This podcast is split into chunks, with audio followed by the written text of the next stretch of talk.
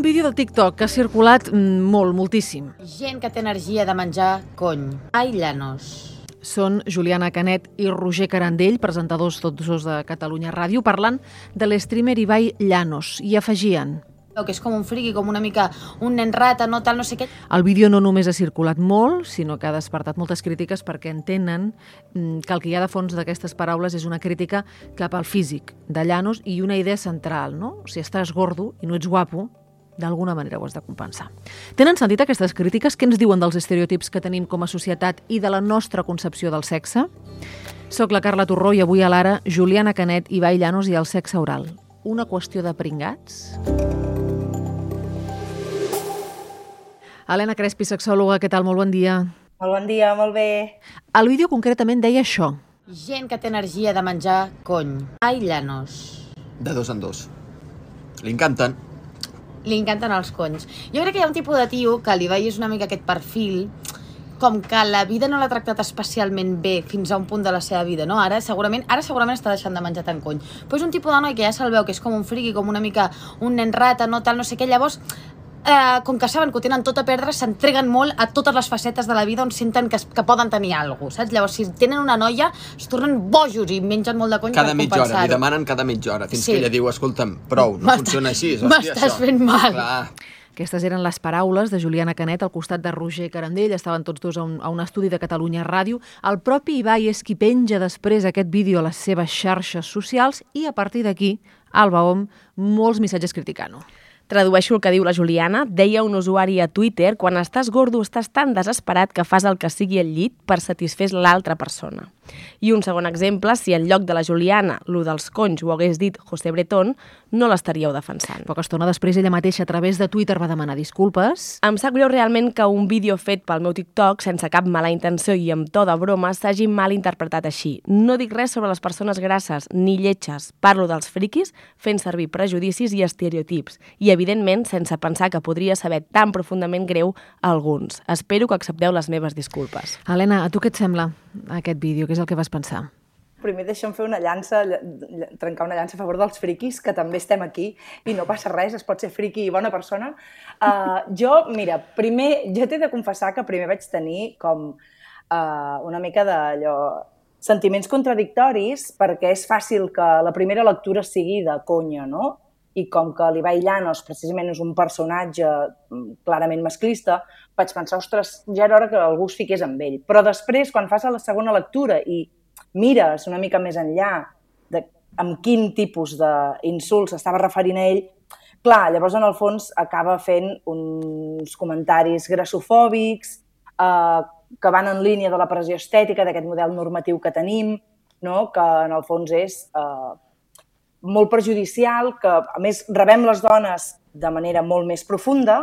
Aquest cop doncs, l'objectiu era un home, però evidentment no cal insultar algú. Crec que a més a més en català tenim insults eh, fantàstics com per dir-li a algú que és gordo i que és lleig. Mhm. Cosa que no són insults, són condicions físiques. Persones, hi ha persones que estem grasses i hi ha persones que són més maques o més lletges eh, eh, i no passa res.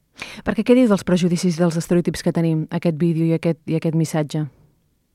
Clar, et diu que, que ho tenim tan integrat que ni tan sols ens n'adonem quan estem caient en un d'aquests prejudicis. Ni tan sols ens n'adonem de tal manera que inclús moltes persones poden menys tenir un comentari així. Llavors, jo no estic gens a favor de que ara, de cop i volta, la Juliana comenci a rebre un nivell d'odi a les xarxes ni a la vida de carn i ossos, uh, però sí que crec que hem de reflexionar que això tenim tan interioritzades segons quines coses, això de poder jutjar si algú és bonic o lleig en funció Mhm. d'uns cànons impossibles, si algú, per ser més gras, doncs estarà més acceptat socialment o no. I aquest és el problema, que tenim tots aquests judicis completament integrats, que els deixem anar amb una broma i sembla que no passi res, però passa molt, sobretot quan aquestes bromes t'interpel·len directament a tu o sequen amb el col·lectiu al qual tu pertanys. Hi havia un missatge a Twitter que deia les persones que com Ibai Llanos estan grasses, només els hi queda això perquè no tenen cap valor sexual si no ho fan. Això parlant del sexe oral. Uh -huh. Eh, Existeix el valor sexual? Sí, en el fons és el capital eròtic que tenim, no? en el que generalment els homes tenen un llindar més baix, perquè vivim en una societat masclista que sobretot els mira a ells, um, i les dones en som les grans perjudicades. No sé si és la paraula correcta, però perquè ens entenguem, som les grans perjudicades perquè es premien nosaltres la bellesa, l'estar primes i el ser boniques segons els cànons eh, socials establerts i el vestir com eh, ens diuen, el maquillar-nos però no passar-nos molt, que no se'ns noti gaire, no? I, I aquest és com aquest model que tenim. No? Llavors, representa que si tu no encaixes dins d'aquest model normatiu, has de fer un sobreesforç per demostrar que ets una persona vàlida, no? I aquí és on entra tot el tema del capital eròtic amb el sexe. Uh, si no tens un cos atractiu a la vista, llavors t'has d'esforçar molt en ser un bon amant, quan el concepte bon o mal amant és algo que podríem discutir clarament. Um, però llavors, clar, aquí et venen a dir les persones guapes, com que lliguen més, no cal que tinguin un sexe molt acurat o que s'hi esforcin gaire, les persones grasses i lletges ens hi hem d'esforçar molt més perquè de bones a primeres no lligarem tant. Per tant, el punt fort ha de ser un «ei, que jo ho faig molt bé». I què és un bon amant? un bon amant... Mira, segurament et diria ara mateix que un bon amant és aquell que es combina bé amb la persona o les persones amb les que es relaciona sexoafectivament i possiblement el que trenca amb tots aquests estereotips de la sexualitat masclista que hem après, que és una sexualitat ràpida, coitocèntrica, molt eh, dirigida a aconseguir l'orgasme, sobretot masculí, i que venera el penis, no? i que tota la sexualitat s'ha entès al voltant d'un penis. Si trenques això, jo crec que ja estàs millorant molt la teva condició d'amant, però en el fons és quelcom completament subjectiu i que has de trobar la manera de, de, jugar amb una altra o d'altres persones um, i això vol dir que t'has de comunicar. Per tant, ah, potser un dels ingredients principals d'una persona que és una bona amant uh, és que pot tenir un bon nivell de uh, comunicació, comprensió sobre el que vol l'altre i el que vol ella mateixa. No? I quin concepte tenim com a societat del sexe oral? Perquè aquí hi ha una idea en aquest vídeo gairebé de el pringat que practica sexe oral cap a la dona, no? Exagerant Clar, una mica. Dir, sí, exagerant, perquè sí que hi ha hagut moltes lectures no? sobre si, uh, si es, es dona menys valor al sexe oral en aquest vídeo en concret.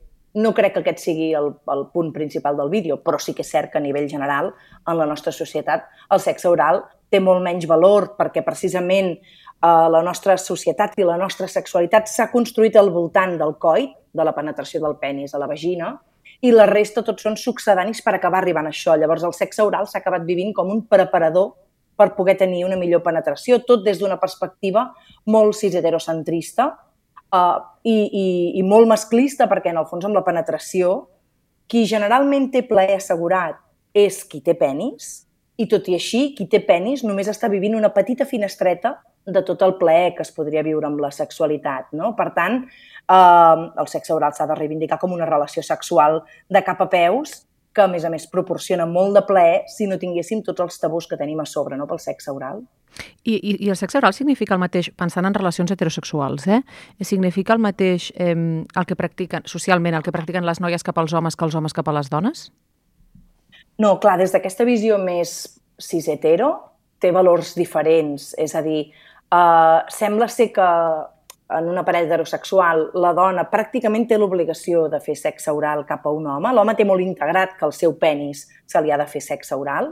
En canvi, a l'inversa, malgrat molts homes també volen fer sexe oral a les seves parelles, a la vulva de les seves parelles, um, moltes vegades, sobretot quan tens vulva i has estat socialitzada com a dona, la vinculació que tens amb la teva pròpia vulva és més aviat de rebuig, no ens acaba de convèncer, això que tenim entre les cames no ho coneixem gaire bé i no tenim gaires ganes de mirar-nos-ho i patim. Moltes vegades el sexe oral per moltes dones cis és patiment perquè comencen a pensar farà olor, perquè tota la indústria de la higiene sexual, ho dic entre cometes perquè no mereix més higiene sexual una vulva que un penis, Uh, però tota la indústria de la higiene sexual s'ha fet cap a les dones, els missatges negatius cap a les nostres vulves sempre els hem rebut nosaltres. Llavors, clar, quan se'ns educa amb una sexualitat on no se'ns fa subjectes de desig, on a més a més rebem missatges molt negatius sobre els nostres genitals, Doncs llavors, posar-te allà a rebre sexe oral eh, de manera plaent i sense cap mena de, de tabú és molt complicat. Per tant, li és molt més difícil en general a una dona cis rebre sexe oral que, que un home. Hi ha una altra qüestió que jo crec que potser és positiva, que és que no sé si fa un temps eh, haguéssim reaccionat diguéssim, no sé si com a societat o a les xarxes, eh, d'aquesta manera davant d'una frase així, no? Eh, vull dir que potser hi ha estereotips que comencem a identificar com a mínim. Sí, i de fet jo crec que com a sexòloga és fantàstic, no? com a sexòloga i com a feminista, és fantàstic que una, un vídeo no? uh, com aquest, que estic convençuda que es va fer precisament per com hem normalitzat tots aquests estereotips sense pensar que tindria aquesta repercussió, uh, fa com aquest, uh, aquest salt. No? Hi ha un disparador en el que algú de cop volta diu ep, això no està bé. No? Primera, um, no ens hem de ficar amb el sexe oral, evidentment no hem de fer comentaris grassofòbics, uh, no? ni que estiguin allà um, doncs, fent més pressió estètica a les persones que no compleixen el, matró, el patró normatiu. Per tant, hi ha una part bona de tot això, no? que és, estem començant a identificar un sector, estem començant a identificar eh, doncs, comentaris que, que ja no toquen, que falten el respecte. No? Llavors es poden fer broma de moltes coses, uh -huh. però ja segons, segons quines coses no se'n pot fer broma perquè toca directe a, a moltes persones. No? Helena Crespi, sexòloga, gràcies per haver passat avui pel diari Ara. A vosaltres, una abraçada. Gerard Esbria, la tècnica, Alba Om, a la producció. Jo sóc la Carla Torroixos, avui a l'Ara. Gràcies per ser a l'altra banda.